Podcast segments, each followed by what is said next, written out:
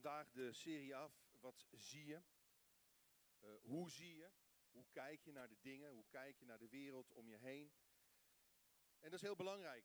De manier waarop je kijkt bepaalt in grote mate de manier waarop je in het leven staat. Het bepaalt, het beïnvloedt je houding, je gedrag. Door welke bril kijk je eigenlijk? Zie je je stad en de mensen die daarin leven? Door de bril van de verlosser of door de bril van de fariseer? Zie je God door de bril van traditie of door de bril van relatie? In wat voor tijd leven we eigenlijk? Er is eigenlijk maar één tijd en dat is de eindtijd.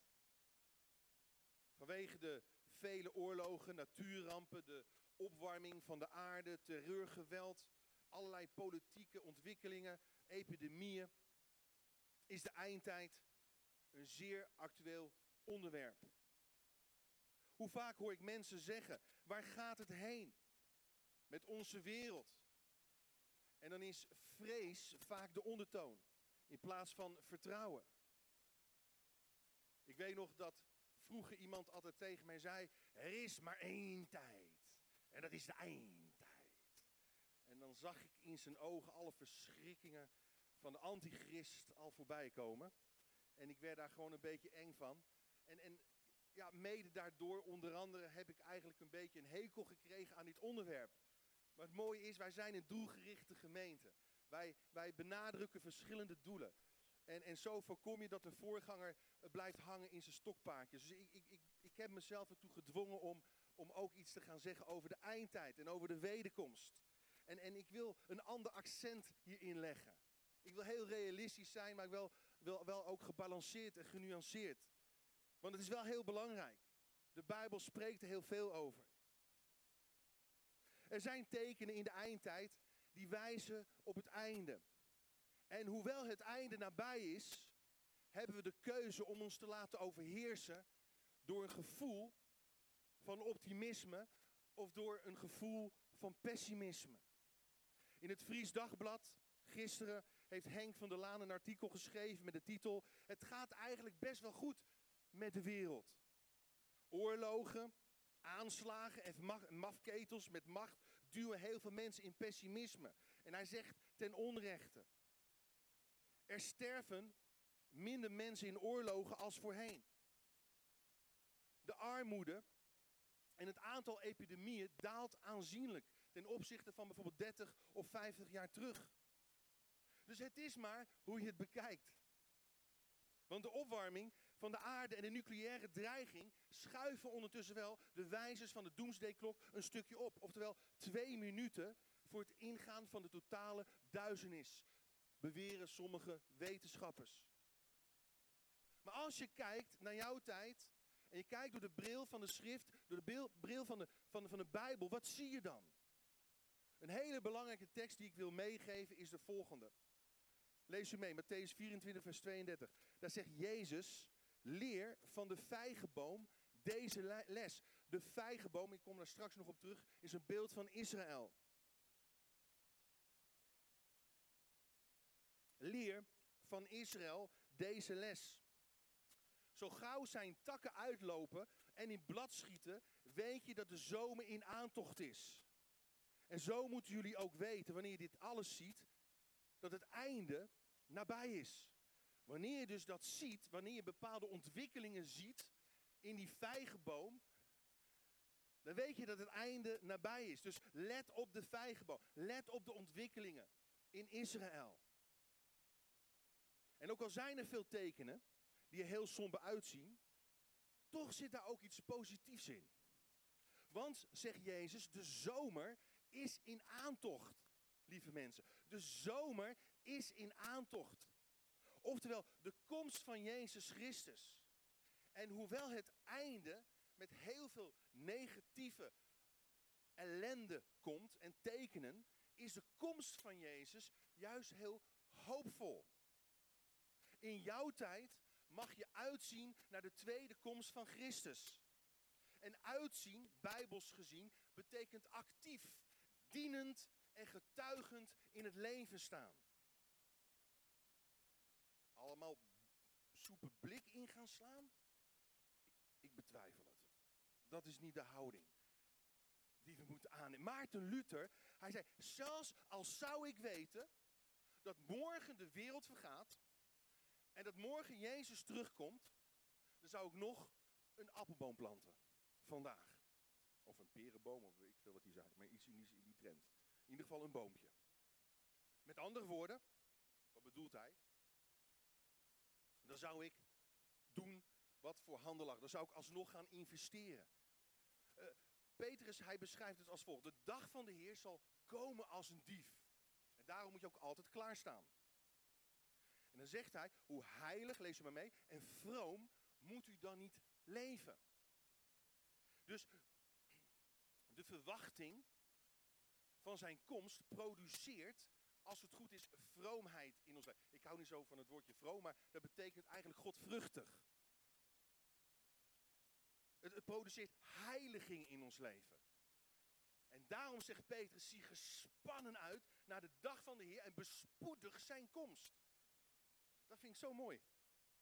Weet je, heel veel mensen worden zwaarmoedig als het gaat om de eindtijd. Of als ze naar de wereld om hen heen kijken. En, en ze worden pessimistisch. pessimistisch. Ze, ze, gaan doemdenken. En, en van alles, eh, allerlei complottheorieën worden erbij gehaald.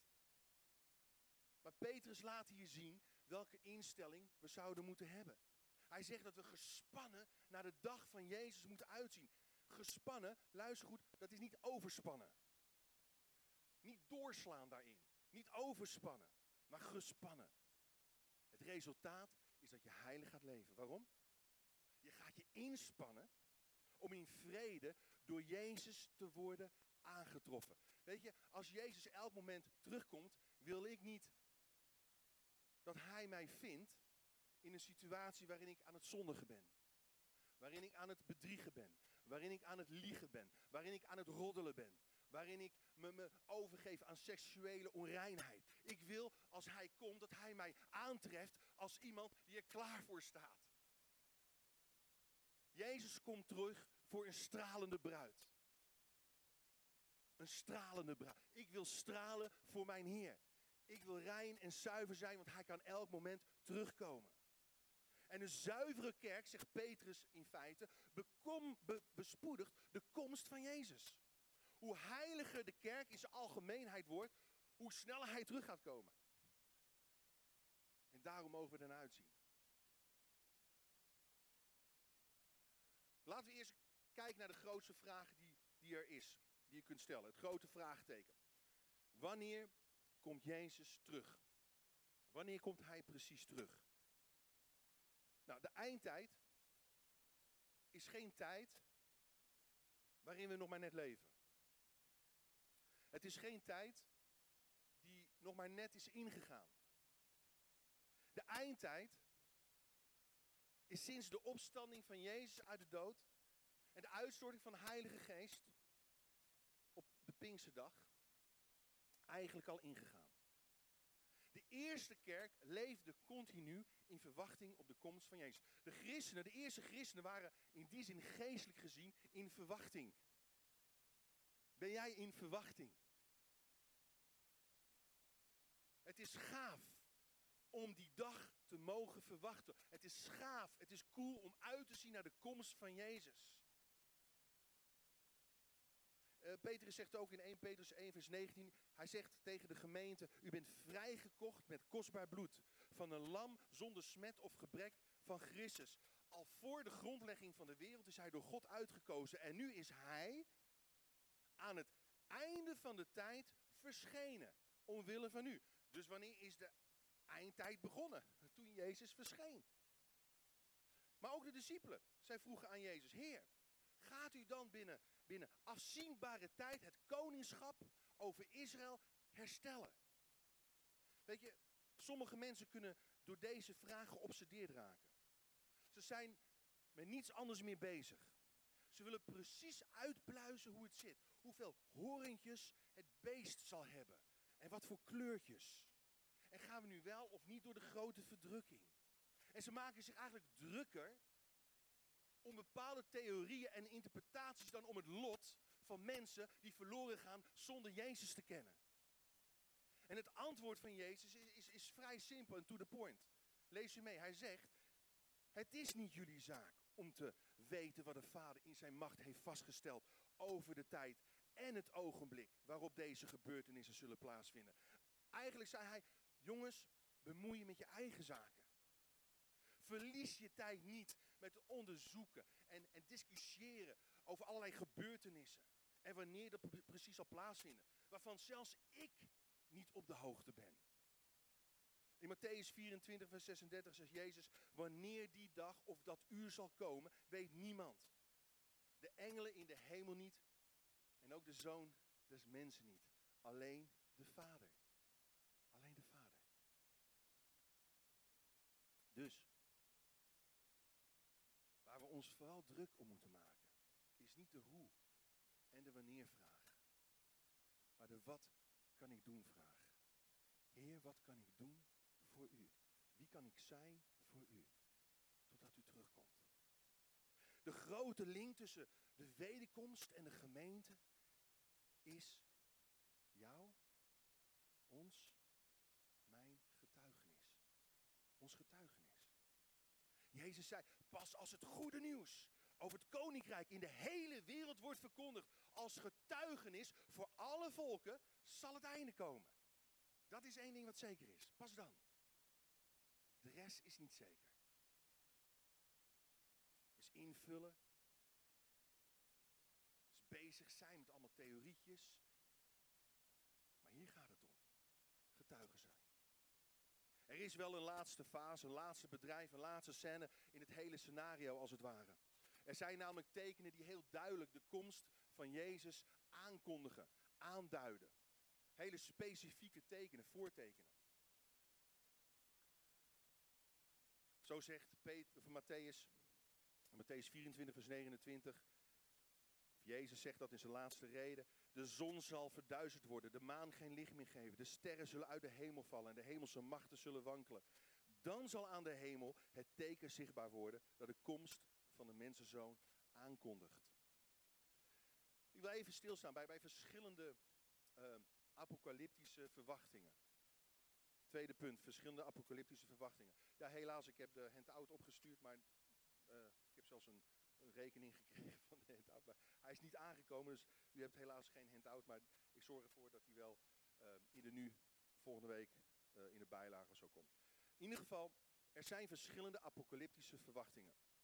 En, en misschien apocalyptisch, wat is dat nou voor een raar woord? Maar ik denk dat heel veel mensen er wel van op de hoogte zijn. Kijk, bepaalde woorden of begrippen van het christelijk geloof hebben eigenlijk bij heel veel mensen een andere strekking gekregen dan wij eraan toeschrijven. Het begrip zonde wordt bijvoorbeeld toegepast als je wijn op je vloerbedekking morst. Zalig, dat is een midweekje op de Nederlandse Antillen. Een nieuw hart krijg je in het ziekenhuis. Wedergeboorte wordt gezien of geïnterpreteerd als, als reïncarnatie. En waar we van verlost moeten worden, dat zijn niet onze zonden, maar dat zijn de files. Maar het Bijbels woordje apocalyps hoor je regelmatig vallen. Ook in de media. Het betekent letterlijk onthulling, openbaring. Je komt het ook in heel veel Hollywoodfilms tegen. Films die gaan over kosmische rampen, interplanetaire oorlogvoering, vallende meteorieten. Ja, de wereld gaat ten onder en al dat soort taferelen. En dan is er altijd wel een held die opstaat of iemand die uit de as herrijst om, om de mensheid en de wereld te redden, te verlossen. En zo zie je dat de term apocalyps best wel een bekende term is onder de mensen, of je nou wel of niet gelooft. De term apocalyps kom je ook in allerlei profetieën tegen. Zowel bijbelse profetieën als buiten bijbelse profetieën en voorspellingen. Wie heeft wel eens van Nostradamus gehoord? Nostradamus, weet ik veel, Frans zeggen. Ja, ik ben een beetje Frans, maar ik ben er nog niet achter hoe ze hem, hem noemen. Nostradamus of zal wel Nostradamus, Nostradamus, weet ik veel. Ja, in ieder geval, hij was een Franse wetenschapper uit de 16e eeuw. En hij schreef een boek, Le Prophétie. En hij voorspelde daarin onder andere de eerste twee grote wereldoorlogen. Dus die zijn ook nog uitgekomen. Hij voorspelde ook dat in 2018 het einde van de wereld zou naderen. Net nu we culturele hoofdstad van Europa zijn geworden. Jongen, hoe verzint je het? Fransman, uh, akelige man. Mens, ik ben een uitzondering. Goed. Dus dat moeten we nog maar afwachten of deze provincie uitkomt. Hij voorspelde ook dat het broeikaseffect toe zou nemen, heeft hij gelijk hier gekregen. In onze tijd praten bijvoorbeeld milieudeskundigen over apocalyptische taferelen die plaatsvinden op aarde. Waarom? Op wereldschaal raakt het ecologische evenwicht gigantisch verstoord. Grote gebieden zijn onbewoonbaar gebleven geworden. En het gevolg is grote armoede en honger, hongersnoden. En, en dat heeft weer als gevolg machtsmisbruik van dictators en, en oorlog en allemaal ellende. En natuurlijk ook bijbels gezien kennen we allemaal het boek Openbaring. Maar letterlijk staat de apocalyps. Apocalyps. Openbaring, waarin de eindstrijd tussen God en Satan heel beeldend wordt beschreven. De slag van Armageddon, het, het hemelse Jeruzalem dat neer zal dalen, etc. En inderdaad, zo horen we de voetstappen van Christus in de geschiedenis dichterbij komen. En dan, wat nu? Moeten we ons angstig verbergen in, in betonnen bunkers, blikken eten gaan inslaan? Weet je, als we het hebben over de eindtijd, dan moeten we heel goed voor ogen hebben wat Jezus heeft gezegd. Hij zei, ik ben met jullie alle dagen tot aan de voltooiing van de wereld. Dus ja, we zijn op weg naar de geboorte van Gods nieuwe wereld. En dat is hoopvol. Daar moeten we niet pessimistisch over doen, daar mogen we optimistisch van zijn. En zo komen twee scenario's tegen in de Bijbel. 2 Petrus 3, vers 12. Lees u mee. Petrus zegt, zie, opnieuw zie, zie je tijd. Zie vol verwachting uit naar de dag van God en bespoedig zijn komst. Op die dag zullen de hemelse sferen in vlammen opgaan en de elementen wegsmelten in de vuurgloed. Maar volgens Gods belofte verwachten wij een nieuwe hemel en een nieuwe aarde, waar gerechtigheid en vrede zal wonen. Je ziet eigenlijk in dit eindscenario twee aspecten. Een, een negatief aspect, elementen worden weggesmolten in de vuurgloed van zijn komst, maar ook positieve aspecten. Een nieuwe hemel en een nieuwe aarde. En luister goed, als Jezus zegt, ik ben met je tot aan de voleinding, dat betekent voleinding geen vernietiging. Maar voleinding is vernieuwing. Dwars door al het verderf heen wordt de wereld weer paradijs. En in de voleinding verdwijnen de littekens van het kwaad. Maar er zal eerst afgerekend moeten worden met het kwaad. Er zal eerst een soort van universele zuivering moeten komen. Morele zuivering. Een soort eindafrekening met apocalyptische verschijnselen. Daar heb je het woord weer. En Paulus, hij zegt, de schepping zucht. Verlangt naar de openbaarwording van de zonen van God en de heerlijkheid van God. De schepping is in barensnood. Niet in doodsnood, in barensnood. Wat betekent dat? Dat er weeën zijn. En naarmate de weeën toenemen, is eigenlijk de verlossing nabij. Is de voltooiing nabij? Is de vernieuwing nabij? Maar eerst krijgen we een aantal voortekenen te zien. En ik wil ze even op een rijtje zetten. Eigenlijk doet de Heer Jezus dat voor ons. Want, want dan krijgen we als het ware een röntgenfoto van de geschiedenis te zien totdat Hij komt. Dus wat zie je? De tekenen die Jezus beschrijft zijn dus eigenlijk al 2000 jaar geleden al begonnen. Laten we even kijken naar het volgende filmpje.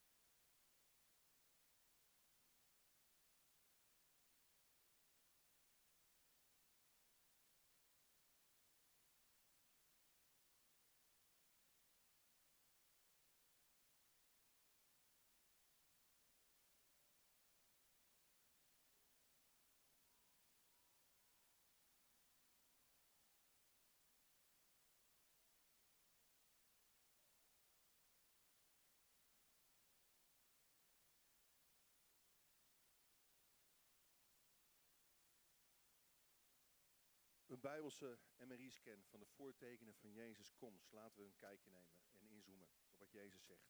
Allereerst, we zien toenemende verleiding. Toenemende verleiding.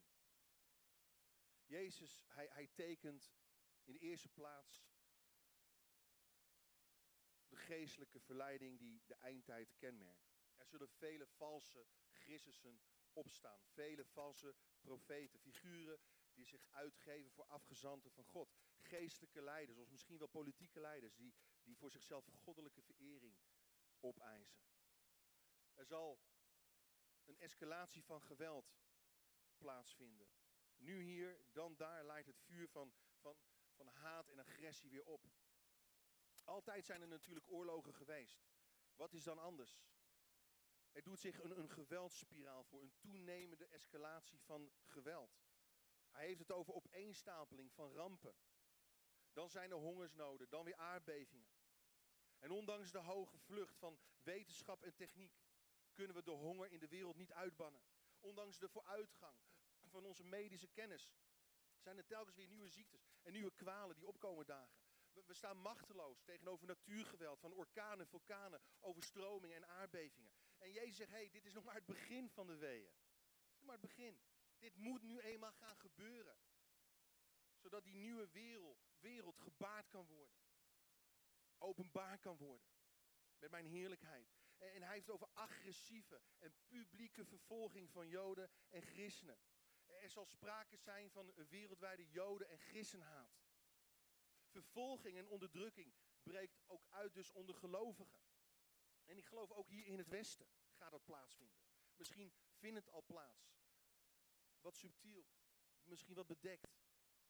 En als het nummer 666 niet is af te lezen van je manier van leven, je denken en doen, dan word je gehaat en vermoord. 666 het getal van, van het beest. En mensen zullen het teken van het beest op hun rechterhand en op hun voorhoofd dragen. Openbaring 13, vers 17. En, en ik denk dat het niet alleen maar symbolisch is. Zelfs letterlijk is dit mogelijk. Digitaal zijn er nu al mensen die een chip onder hun huid plaatsen. Rechterhand en voorhoofd. En, en, en openbaring beschrijft dat je alleen op die manier kunt kopen en kunt verkopen. En met een scan kan je heel makkelijk nu al dat getal lezen. En, en, niet, niet om ons bang te maken, zegt Jezus, dit, maar om ons voor te bereiden. En hij heeft het over een complete relatiechaos. Een volgend teken is, is een geestelijk verval, ook binnen de kerken. Gelovigen zullen elkaar uitleveren, elkaar haten. Valse leer zal verwarring en versplintering teweeg brengen door valse profeten. En deze tekenen zullen uiteindelijk uitlopen op een complete relatiechaos. Kinderen die tegen hun ouders opstaan. Schoondochters die hun, en schoonzonen die hun, hun schoonouders uitleveren. Verraden. Verharding en verkilling als gevolg van wetteloosheid is het gevolg, is het resultaat. Dan heeft Jezus het ook op een gegeven moment over de verschijning van de antichrist. En alle, alle voortekenen worden eigenlijk belichaamd in de komst en figuur van de antichrist. Het beest uit de zee, de zoon van het verderf. Verschillende beschrijvingen worden er gegeven in de Bijbel. Jezus noemt hem zelfs de verwoestende gruwel. In 2 Thessalonicense 2 vers 3 beschrijft Paulus hem als volgt. Hij zegt, hij zal alles wat goddelijk en heilig is bestrijden en zich erboven verheffen. Om in Gods tempel plaats te nemen op de troon en zich voor te doen als God zelf. Een, soort vrome religieuze macht dus. Het verraderlijke van de antichrist is dus zijn religiositeit. En het woordje anti in het Grieks betekent niet alleen tegen, maar ook in plaats van. Anti, tegen, mensen die ergens tegen zijn, willen vaak in plaats van. Ja, tegen in plaats van. Zo wil de antichrist in plaats van Christus op gaan treden. En ook al heeft hij vele gezichten. En kent hij vele manifestaties door de eeuwen heen. Denk aan Nero, denk aan Stalin, denk aan Hitler. Misschien wel het, islamitische extre, extremisme. Hij zal op een gegeven moment de wereld misleiden. Heel veel vrede beloven, maar uiteindelijk komen er verschrikkingen uit de voorschijn. En wat rein is, wordt reiner. Wat onrein is, wordt onreiner. En dan heeft Jezus het over de vijgenboom. Israël, Gods tijdsklok.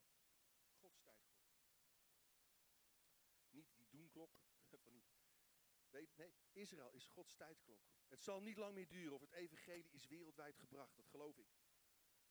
En dan zal het terugkeren tot zijn bakermat Israël.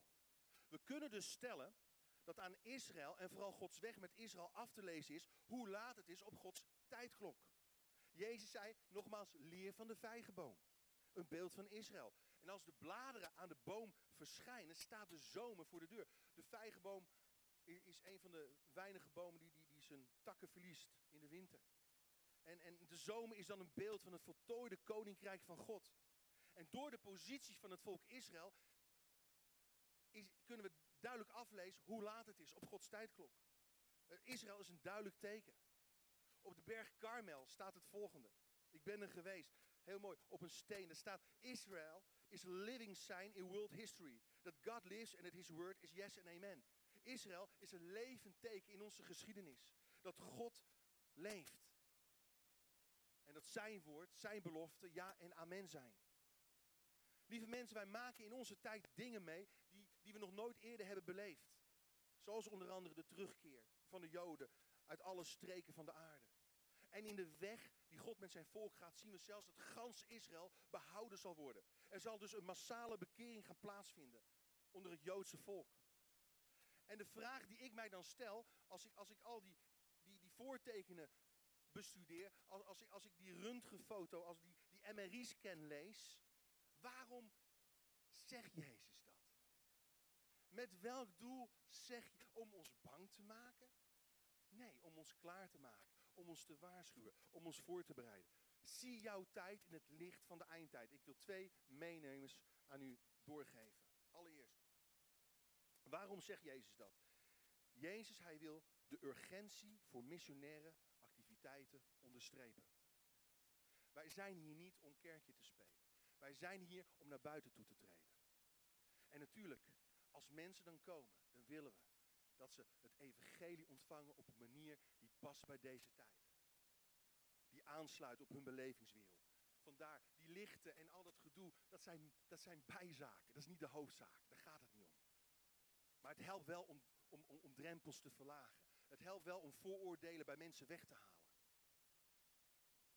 Maar Jezus, hij wil de urgentie voor missionaire activiteiten onderstrepen. Het gaat niet om de zitcapaciteit van de kerk, maar om de zendingcapaciteit. Dus gemeente, laat je niet afleiden van je zendingsopdracht hier en nu en ver weg. En als je geen zendeling in je eigen stad of dorp kunt zijn, kun je het ook niet in het buitenland zijn.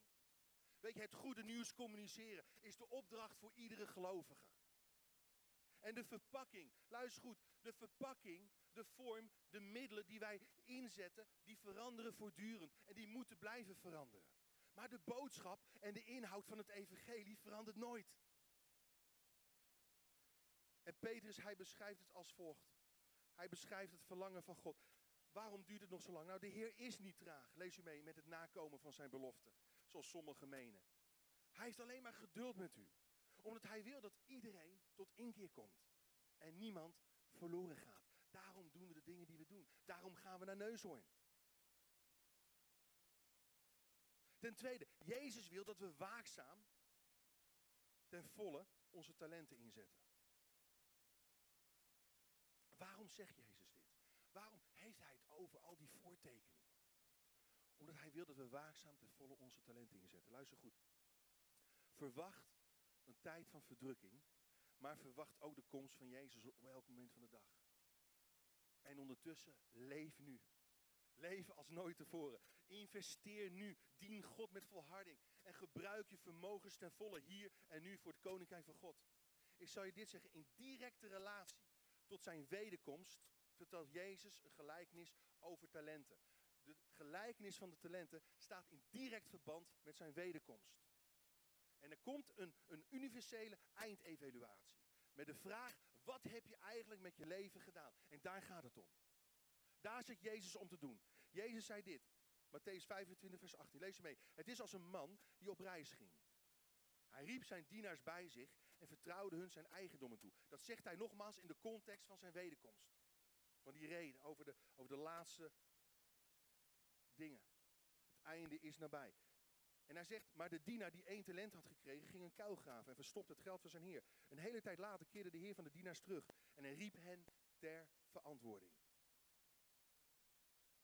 Weet je, iedereen hier, ieder mens krijgt van God de unieke kans om zijn leven vruchtbaar te maken voor God. Iedereen. En natuurlijk, er is verschil in draagkracht. Er is verschil in gaven. Er is verschil in, in verantwoordelijkheid. Altijd. Er is verschil. Nederlanders willen alles nivelleren. Nee, er is verschil. Er is onderscheid. Maar dat maakt niet uit. Waar het om gaat is dit. Wat doe je met datgene wat God je geeft, wat God je toevertrouwt? Hoe ga je om met datgene wat God je heeft toevertrouwd? Al je vermogens, je gaven, je middelen mogen ten dienste staan van Gods koninkrijk. En God verwacht van mij dat ik mijn talent gebruik en investeer. Weet je, je kunt heel makkelijk uit angst voor mensen, of, uit angst om te falen, op safe gaan spelen. Maintenance. Behouden. Niet te veel risico's, weet je. Maar weet je, je, je kunt beter iets proberen en plat op je bek gaan, dan je talent verbergen, met je armen en benen over elkaar geslagen en kritisch achterover zitten. Ik ben liever succesvol in de ogen van God dan in de ogen van mensen. Weet je, en wat je niet voor God investeert, als Hij je iets heeft toevertrouwd, dan kan Hij dat ook weer terugnemen. Kan Hij dat ook weer afpakken. Er staat uit angst, lees mee, besloot ik uw talent te begraven. Alsjeblieft. Hier hebt u het terug. En zijn heer antwoordde hem, je bent een slechte, laffe dienaar. Pak hem dat talent maar af en geef het aan degene die er tien heeft. Pak het hem af. Weet je, God heeft het recht om een ongebruikt talent weer aan een ander te geven. God geeft ons gaven en middelen niet om erop te gaan zitten. Niet om het te verstoppen of te verbergen. Maar om er handel mee te Letterlijk in die gelijkenis, drijf handel. Ga zaken doen.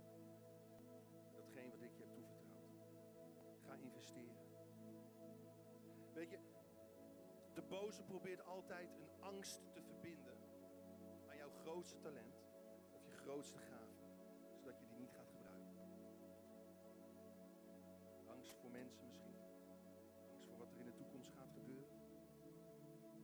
boze zal je proberen te weerhouden om na te laten wat God je heeft opgedragen. Om jouw roeping op jouw leven in te laten krimpen. En als je geroepen bent, misschien om voor mensen te bidden. Om mensen te leiden. Misschien wel om events te organiseren, om muziek te maken, om te getuigen. Dat zijn we allemaal. Maar er zal er ongetwijfeld een stemmetje komen die zegt, dat kan jij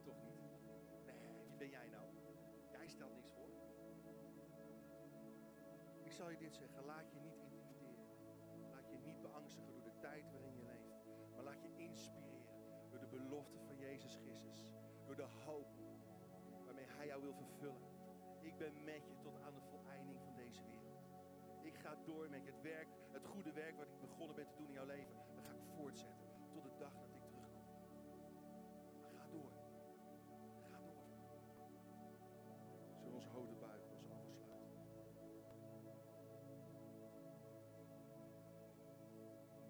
Jezus, dank u wel dat we positief over uw komst mogen denken en praten. Met optimisme, wat er ook gaat gebeuren. Al gaan er verschrikkingen komen. Heer, u bent met ons. U bent in ons. U bent voor ons. Wie zal dan nog tegen ons zijn? Ze kunnen ons lichaam doden, maar onze ziel niet. Onze ziel behoort u toe. En Heer, dank u wel dat we uw naam op ons voorhoofd mogen dragen. Uw karakter mogen weerspiegelen hier op aarde. En Heer, ik geloof dat iedereen minstens één talent gekregen heeft. De vraag is op dit moment, in hoeverre ben jij aan het investeren? In hoeverre ben jij aan het opbouwen? In hoeverre ben jij aan het ontwikkelen? Wat weerhoudt je? Misschien is het teleurstelling. Misschien is het verbittering. Misschien is het ontmoediging. Misschien is het weerstand van mensen. Misschien is het angst om te falen. Maar weet je, fouten moet je omarmen in je leven.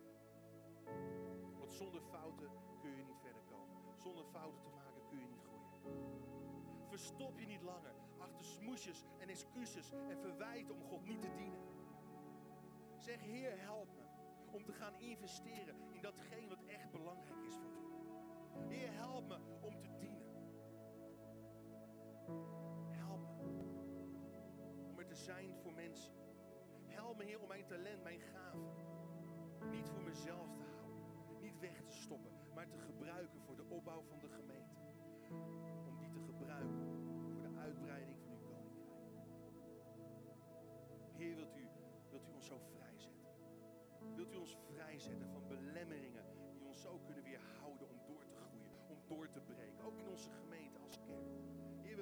Verlangen, Heer God, om door te breken. Hier in deze stad. Op een manier, Heer God, zoals u dat wil.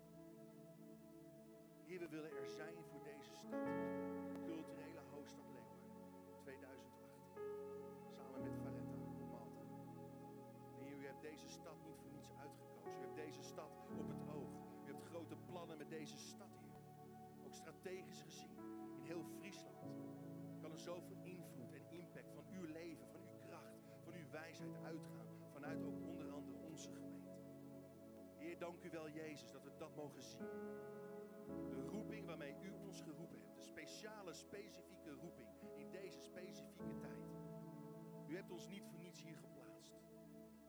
En Heer, dank u wel dat we ons mogen laten gebruiken als levende stenen voor de bouw van een geestelijke. Heer, dode stenen. Levende stenen wilt u oproepen. Levende stenen wilt u gebruiken. Levende offers wilt u zegenen.